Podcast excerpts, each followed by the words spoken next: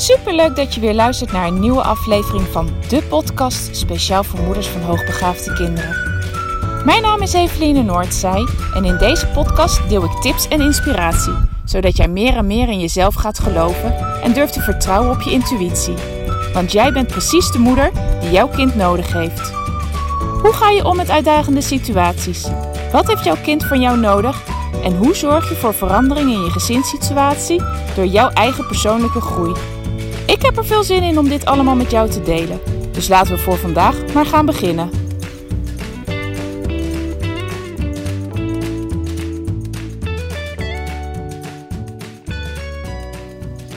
Ah, lieve luisteraar. Nou, leuk dat je weer luistert. Dit is inmiddels de derde keer dat ik deze podcast ga opnemen. Ik heb vanmorgen al twee keer opgenomen. Nou, de eerste keer luisterde ik hem na en toen hoorde ik alleen maar dat de microfoon over mijn jas aan het schaven was. Dus nou ja, je kon mij amper verstaan. De tweede keer dacht ik, nou, dat, dat ik dat beter had gedaan. En ik had ook de microfoon niet meer over mijn jas, maar er stond ontzettend veel wind. In combinatie met dat ik de telefoon van een van mijn kinderen uh, nam. Ehm, ja, die minder goed is dan de telefoon die ik zelf altijd gebruik om dit soort podcasts op te nemen. En ik luisterde die terug en toen dacht ik, ja, maar die kan ik ook gewoon echt niet online ja, neerzetten. Want ik ben gewoon zelf amper te verstaan. Dus kortom, drie keer een scheepsrecht. Ik hoop. Uh, nee, ik weet dat deze gewoon veel beter is. Ik zit inmiddels op de praktijk. Ik denk, ik zoek echt een rustig plekje. Geen wind, geen kinderen die me kunnen storen. En ik neem de podcast gewoon nog een keer op. Uh, maar allereerst uh, hoop ik dat je leuke dagen hebt gehad. Uh, wij hebben de kerst doorgebracht met familie. zoals we een aantal jaren al doen, reserveren we kerstavond altijd echt voor ons gezin. We gaan dan met elkaar gourmetten en er echt met z'n zessen een leuke avond van maken. Dat is inmiddels traditie. En nou, dat hebben we afgelopen kerstavond ook weer gedaan. En we hebben in ieder geval een hele fijne avond met elkaar gehad. En eerste kerstdag hebben wij met mijn schoonfamilie doorgebracht. Zij zijn naar ons toegekomen. Iedereen had wat, lekker, wat lekkers gemaakt. En uiteindelijk hebben we een paar uur ja, gezellig zitten kletsen. En uh, was een heel, hele fijne middag. En gisteren op tweede kerstdag zijn we naar mijn familie gegaan, naar mijn ouders. Sinds een paar jaar wonen, ja, zijn mijn ouders verhuisd, zijn iets kleiner gaan wonen. En nou, aangezien de familie ook groeit, had mijn moeder zo vorig jaar zoiets van: ja, weet je, ik vind het prima om het bij ons te doen. Uh, maar wij hebben gewoon niet meer zo ontzettend veel plek. Maar wat denken jullie ervan om dan te gaan barbecuen met elkaar? En uh, ze hebben een hele fijne tuin met ook een overkapping erin. En uh, nou, dat was, gister, ja, dat was vorig jaar dus ontzettend goed bevallen. En zo goed dat het merendeel van, van de familie zoiets had van: nou, laten we dat nog een keer doen. Dus dat hebben we gisteren gedaan. En ook dat was heel gezellig. En hebben een hele fijne avond gehad. En nou ja, voor ons uh, is het zo dat on, ja, bij ons is het normale werkweek weer begonnen. Deze keer hebben we geen uh, vakantie genomen tussen kerst en oud en nieuw.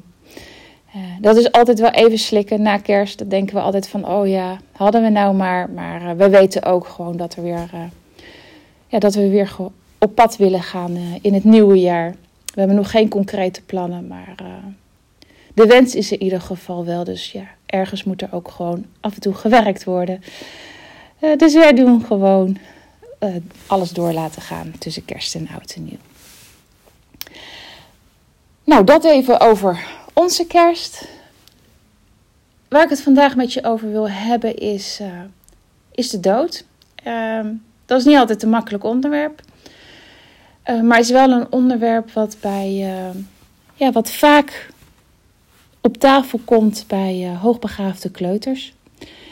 En ik, ja, ik wil daarmee graag met je over praten. En dat is naar aanleiding ook van uh, het gesprek wat ik met onze jongste dochter had uh, op kerstavond toen ik haar naar bed bracht. En um, nou, we gaan niet meer elke avond bij haar liggen, maar met kerstavond vroeg ze: Joh, mama, wil je alsjeblieft nog heel eventjes bij mij komen liggen? En het was al laat. Um, want na het Cormetten hadden we ook even met de kinderen nog een aflevering van Jachtseizoen gekeken. En ik dacht van, nou, ik ga gewoon lekker bij je liggen. Want ik weet dat je dan makkelijker in slaap kan vallen. Gaat het gewoon net even iets vlotter. En het is al laat, dus hoe eerder je slaapt, hoe beter het voor jou is. En uh, nou, ik ging bij haar liggen en ze kroop lekker tegen mij aan. En uh, ze zegt tegen mij: Mama, ik uh, kan jou echt niet missen hoor. Ik wil echt niet dat jij doodgaat. En nou ja, ik schrik er niet van. Onze jongste is nummer vier. En uh, wij hebben met de andere kinderen deze gesprekken ook, uh, ook al op jonge leeftijd gehad. En uh, nou, ik dacht wel, ik wil hier heel graag met jou een podcast over opnemen. Omdat ik weet dat heel veel ouders van jonge, hoogbegaafde kinderen deze gesprekken gaan voeren. En dat is wel anders dan bij kinderen die zich ja, die niet hoogbegaafd zijn, die zich gemiddeld ontwikkelen. Daar met, met die kinderen heb je dit soort gesprekken echt pas op oudere leeftijd. En daarnaast is het ook heel opvallend bij hoogbegaafde kinderen, is dat ze niet alleen maar dit benoemen, maar ook het concept de dood eigenlijk al op hele jonge leeftijd heel goed begrijpen. En als ik met ouders spreek uh, in de praktijk en dit onderwerp komt ter sprake, dan vertellen ze mij ook dit ook heel vaak. Hè, van, het valt me zo ontzettend op dat ze ook al heel goed beseffen wat de dood is. En dat is echt wel heel, heel bijzonder en is helemaal niet passend bij kleuters. Dat is niet wat je van een gemiddelde kleuter mag verwachten, dat ze het concept de dood al begrijpen. Dat is behoorlijk abstract, niet te bevatten. Um, maar veel hoogbegaafde kinderen begrijpen het echt wel op hele jonge leeftijd en stellen daar ook vragen over. En nou, zij, hè, mijn, mijn jongste dochter stelde die vraag, tenminste, het was meer een opmerking die ze maakte en we hebben het daar even over gehad. En het was heel erg gericht echt op doodgaan. Um, maar dit onderwerp kan ook veel breder ja, besproken worden en dat doen veel uh, kleuters uh, die hoogbegaafd zijn ook. Die trekken het breder, veel filosofischer ook. Van uh, wat is er na de dood? En, en waar ga je dan naartoe? En hoe ziet het er dan uit? Maar ook van um, hoe is dan het eerste mens op aarde gekomen? Hoe is dan leven ontstaan? Nou, het, het is veel breder. En het feit dat ze dat kunnen, heeft te maken met dat ze ja, dat ze al veel verder in hun, in hun denkontwikkeling zijn dan andere kinderen.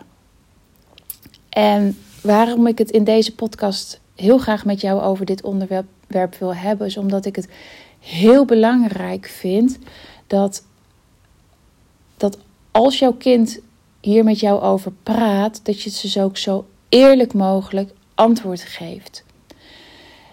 En waarvoor vind ik dat zo belangrijk? Omdat hoogbegaafde kinderen kunnen heel goed uit dingen die ze oppikken, opmerken uit de omgeving, verhalen die ze horen, ehm, gesprekken die ze volgen. Die oren zijn groot, ze, ze pikken alles mee. Kunnen ze heel makkelijk dingen uithalen. Ze kunnen analyseren, ze kunnen ehm, logisch nadenken en ze kunnen van allerlei dingen aan elkaar vastknopen, plakken. En als je niet op een eerlijke, open manier met je kind dit gesprek aangaat, dan maken ze hun eigen verhaal ervan. En het eigen verhaal is altijd groter en spannender en zwaarder dan als jij ze zo eerlijk mogelijk alles vertelt. En ja, dat kan echt ook al op deze jonge leeftijd. En wat ik niet wil zeggen, is dat je je kind alles direct moet vertellen. Weet je, op het moment dat het onderwerp de dood ter sprake komt, is het helemaal niet de bedoeling dat je van A tot Z alles gaat vertellen. Maar sluit wel aan bij de vragen of de opmerkingen die jouw kind maakt. En vertel zo eerlijk mogelijk over wat de dood dan is. En um, geef antwoord op de vragen. En je zal merken dat op het moment dat jouw kind een vraag stelt en je geeft antwoord en het antwoord is voldoende, de, de, de honger is gestild, dan zullen ze ook niet doorvragen. En dan hoef jij ook helemaal niet alles te vertellen. Maar wees wel zo eerlijk mogelijk. En waarvoor ik daar zo op hamer, eerlijk mogelijk, want dat, in ieder geval, ik vind dat heel belangrijk en ik vind dat in alle facetten van de opvoeding belangrijk om zo eerlijk mogelijk te zijn, is dat ik in de praktijk met regelmaat dit onderwerp ook bespreek met ouders. En um, dat ik heel veel merk dat ouders het soms toch echt lastig vinden om, ja, om zo eerlijk mogelijk antwoord te geven op de vragen die het kind stelt of op de opmerkingen die ze maken. Omdat ze ja, de, het kind ook niet uh, bang willen maken voor de dood. En het zelf soms ook echt heel erg lastig vinden uh, om daar zo eerlijk mogelijk over te zijn. En waar doe ik dan het, meeste op, is dat ik um, ja, het meest belangrijk vind, is dat je eerlijk vertelt over dat een ieder dood kan gaan. en hoe ik dan dat gesprek met mijn kinderen altijd ben aangegaan, en afgelopen zaterdag ook, is van luister, um, ik snap dat jij het heel erg moeilijk zou vinden als ik dood zou gaan. Hè? En dat, dat zou ik ook vinden als, als jij doodgaat of als iemand doodgaat. En in principe is het zo dat uh, in eerste instantie meestal de oude mensen doodgaan. Maar het wil niet zeggen dat ik niet ook dood kan gaan. Want soms gebeurt het wel eens dat jonge mensen eerder gaan dan oude mensen. En dat is niet wat ik wil en dat is ook helemaal niet wat ik. Hè, het is ook helemaal niet de bedoeling en ik doe ook heel erg mijn best voor dat, ja, dat dat niet gebeurt. Maar het kan zomaar wel gebeuren. En toen heb ik haar ook verteld: maar stel dat ik ooit dood ga, dan zit ik wel altijd in jouw hart.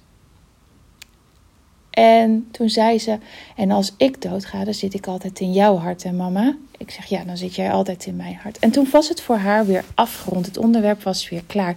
Dus ik heb haar niks te veel hoeven vertellen. Maar ik ben wel heel eerlijk geweest over het feit dat ik haar niet kan garanderen, niet kan beloven dat ik niet eerder doodga dan haar opa of haar oma. Um, en dat is ook wel eens iets wat ze dan tegen mij zegt. Ja, maar opa en oma gaan eerder. Nee, dat kan ik jou niet. Ja, dat kan, dat kan ik jou niet garanderen. Dat is niet altijd zo. Soms gebeurt het dat dat niet zo is en dat jonge mensen eerder gaan.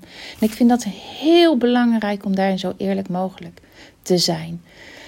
Um, want dat heeft ook te maken met als jij namelijk tegen jouw kind aangeeft of aan jouw kind vertelt dat uh, altijd oude mensen eerder gaan en er komt een situatie dat een jong iemand overlijdt, dan ben jij niet eerlijk geweest. En hoe betrouwbaar is dan hetgene wat jij verteld hebt aan jouw kind? En daarnaast, als jij dat soort dingen zegt, maar jij weet dat dat niet helemaal waar is wat jij zegt, dan ben je niet congruent.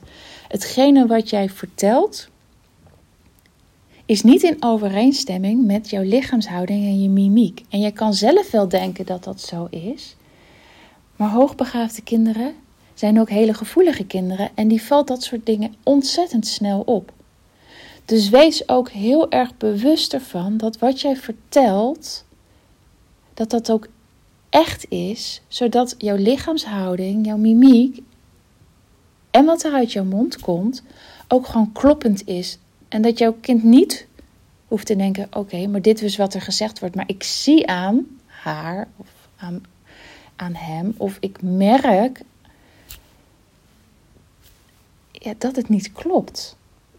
En dat die subtiele lichaamshouding, subtiele mimiek, daar pikken ze op. Uh, dus wees zo congruent mogelijk, wees zo eerlijk mogelijk. En daarmee schaadt je je kind niet, daarmee. Um, hoe noem je dat? Uh, daarmee uh, nou, kom maar even niet op het woord. Maar in ieder geval, je schaadt je kind daarmee niet. Je bent juist eerlijk. En dit is wat bij het leven hoort. En wat ik heel veel zie en merk, is dat er heel veel ouders zijn die de weg zo glad mogelijk voor hun kinderen proberen te maken. En die de moeilijke dingen, eh, de tegenslag, eh, de emoties weg proberen te houden bij het kind. En ja, ik denk dat dat helemaal niet werkt. En ik ben er zelfs van overtuigd dat juist die de periode tussen 0 en 18 of 0 en 23 jaar de tijd is om je kind juist te leren omgaan met verdrietige zaken. Te leren omgaan met dingen die niet direct lopen. Ze leren omgaan met tegenslag. Hoe mooi is het wel niet als jij als kind leert hoe je daarmee om moet gaan, zodat je dat later als je volwassen bent niet nog hoeft te leren. En het leven is niet alleen maar leuk en mooi en fijn en niet alles gaat alleen maar makkelijk. Het leven is dat het met pieken en dalen gaat. En juist leren omgaan met dalen en weten dat die er zijn en hoe, ja, hoe weerbaar je zelf bent. En dat je daar zelf iets aan kan doen als, het, als er tegenslag is. Dat is juist het mooie en dat geldt ook voor het omgaan met de dood. Ik vind dat dat iets is wat wij als ouders ons kinderen moeten leren. En op het moment dat jij je kind leert van kleins af aan dat de dood erbij hoort en dat je geen garanties kan geven en dat dat iets is waar je verdrietig over mag zijn, uh, maar waar je niet in hoeft te blijven hangen, omdat het leven ook gewoon geleefd mag worden, ja, dat is ontzettend waardevol. Dus in mijn ogen kan je niks anders doen dan zo, zo eerlijk mogelijk naar je kinderen zijn als het gaat over de dood. En antwoord geven op de vragen die ze hebben. En ja, dan zullen ze soms verdrietig zijn. En dat zal niet. Hè, dat zal soms in periodes uh, een thema zijn. Uh, een van onze zonen die heeft het een tijdje geleden weer opnieuw gehad. Dat hij s'avonds niet kon slapen omdat hij alleen maar daaraan kon denken. Ja, dan ben ik er als ouder ervoor om hem daarin te begeleiden. En oké, ja, dat kan en daar mag je verdrietig over zijn en dat kan gebeuren. Maar wat kan je nu doen? Want die situatie is nu niet. Ehm, dus ja, maak dit thema ook bespreekbaar. En zeker ook bij jonge kinderen die met deze vragen bij je komen. Ze stellen de vragen als ze eraan toe zijn. Wees niet bang dat je ze overvraagt. Zolang je gewoon alleen maar antwoord geeft op de vragen die ze stellen, zal je ze niet overvragen. Want die vraag komt alleen maar omdat ze er aan toe zijn om daar een antwoord op te krijgen. Ik geloof heel erg dat kinderen pas dingen doen als ze daaraan toe zijn. En een, ik neem altijd het voorbeeld van een kind dat gaat lopen. Je kan er niet iets uithalen of in willen stoppen wat er nog niet is. Dus het is ook helemaal niet dat je de dood bespreekbaar moet maken. Uh, als jouw kind hoogbegaafd is of als je het vermoeden hebt dat je kind hoogbegaafd is, alleen maar omdat je denkt dat dat hoort. Nee, doe dat alleen maar op verzoek van het kind. En als het kind dat gaat lopen, dat gaat alleen maar lopen op het moment dat het er zelf aan toe is. Je hoeft dat niet eerder te doen. Maar op het moment dat het eraan toe is, ga je de omgeving ernaar creëren. Ga je zorgen dat er mogelijkheden zijn dat je kind dat oefenen kan gaan lopen. Uh, dat, dat lopen kan gaan oefenen. Uh, dus geef nogmaals gewoon eerlijk antwoord. Nou, dat is in ieder geval wat ik je vandaag wilde meegeven naar aanleiding van het uh, korte maar fijne gesprek wat ik met onze dochter uh, afgelopen zaterdag had. Ehm, nog iets anders waar, uh, waar ik in deze podcast nog, uh, nog met je over wil hebben. Vanaf januari uh, starten de HB themamaanden. Um, deze keer start ik op 6 januari, vrijdag 6 januari. de thema waar, wat in januari centraal staat is consequent zijn en consequent blijven. Ben jij nou een ouder die zegt van ja weet je, dit is voor mij echt wel iets waar ik moeite mee heb. consequent zijn. Ik vind dat lastig. En weet dat je dan niet de enige bent. Um, de, ongeveer 50% van de ouders vindt consequent zijn het allerlastigste, het meest moeilijke. En waarbij wie het echt gewoon ja, een thema is. Wat niet, gewoon niet altijd lukt. En dan bedoel ik niet van de hoogbegaafde kinderen, dat weet ik niet. Hè, van ouders met een hoogbegaafd kind, maar in ieder geval van alle ouders 50%. Dus je bent echt niet de enige. Ehm, maar je wil er wel beter in worden. Je wil weten hoe het komt dat je daar, ja, dat, dat iets is waar je eigenlijk ja, mee blijft strukkelen. Uh, ik zou zeggen, doe mee. En wat ik je mee wil geven uh, over de, de themamaand die ik organiseer. Ik ben iemand die ontzettend graag op zoek gaat naar de oorzaak. Dat is iets wat ik ook wel eens vaker bespreek in de podcast. Oorzaak van het gedrag van een kind. Oorzaak nou, van allerlei dingen. En ik ben ook heel erg. Ga ik je helpen met het vinden van de oorzaak waardoor jij nog niet daar bent wat betreft consequent zijn in de opvoeding van je hoogbegaafde kind, waar je wil zijn. Want als je had gewild en als het je was gelukt, want willen wil je het waarschijnlijk wel, maar als het je was gelukt, of als je ermee aan de slag was gegaan en het was, dan had je genoeg gehad aan alle tips die je op internet kan vinden, die je in je podcast kan horen. Maar er is een reden waardoor je het nog niet of nog niet voldoende in de vingers hebt. En er zit iets onder. Weet je, ik ga niet alleen maar simpele tips met je delen. Ik ga niet alleen maar ehm, zorgen dat je zo snel mogelijk ermee aan de slag kan. Ik ga echt samen met jou op zoek van waar ligt de oorzaak dat het tot op heden nog niet gelukt is. Want ik geloof er echt in dat als je het aanpakt en de oorzaak vindt en daarmee mee aan, het, aan de slag gaat voor jezelf, dat je daarna met gemak alle tips die je ooit al eens te horen hebt, te, horen hebt gekregen, ehm, dat je die, die kan gaan toepassen en dat het je dan wel gaat lukken. Dus daar richt ik me tijdens de themamaand heel veel op. Dus we gaan heel erg bespreken van wat kan er allemaal uh, ja, onder liggen. Welke oorzaak is het dat het voor jou nog niet gelukt is? Ik deel uh, elke vrijdag een video met je. Waarin ik uh, ja, van allerlei uh, oorzaken met je ga doornemen. En natuurlijk deel ik ook tips met je. Want ja, als je eenmaal de oorzaak weet, wil je natuurlijk ook wel verder. heel gericht op ja, hoe doe je dat dus bij een hoogbegaafd kind. Um, we sluiten de maand af met een, uh, uh, een vraag- en antwoord Zoom-sessie.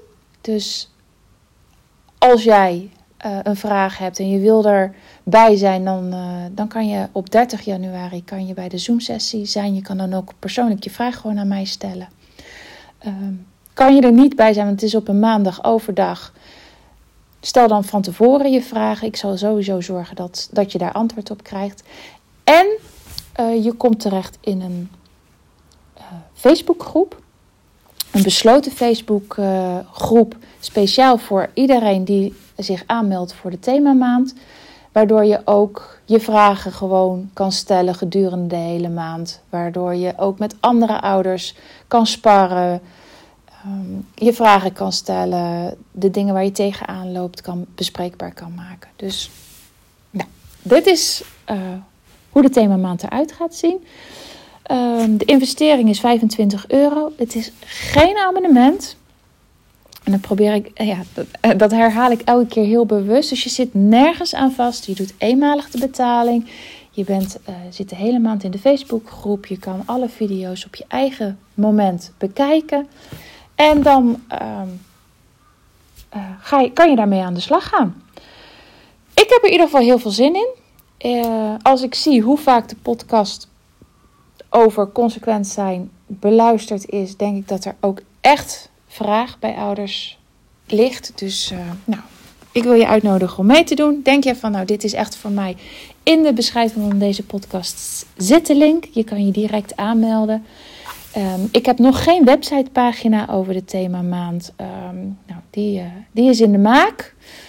Daar hoop, ik deze week, ja, hoop ik deze week klaar mee te zijn. Dus, ehm, ja, dat was denk ik eigenlijk wel wat ik wil delen daarover. Denk je nou van, ik heb echt een vraag en je geeft me daar elke keer geen antwoord op. Stel hem eventjes. Je kan altijd uh, mij een uh, berichtje via Facebook, via Instagram uh, sturen. Ik zal ook even de linken voor de Facebook, ehm, van Facebook en van Instagram in deze podcastbeschrijving neerzetten. Dan kan je me ook makkelijker vinden en makkelijker een persoonlijk bericht sturen. Nou, dat was het. Ja, gaan we afsluiten. Dankjewel weer voor het luisteren en ik spreek je deze week vast weer. Groetjes, doei!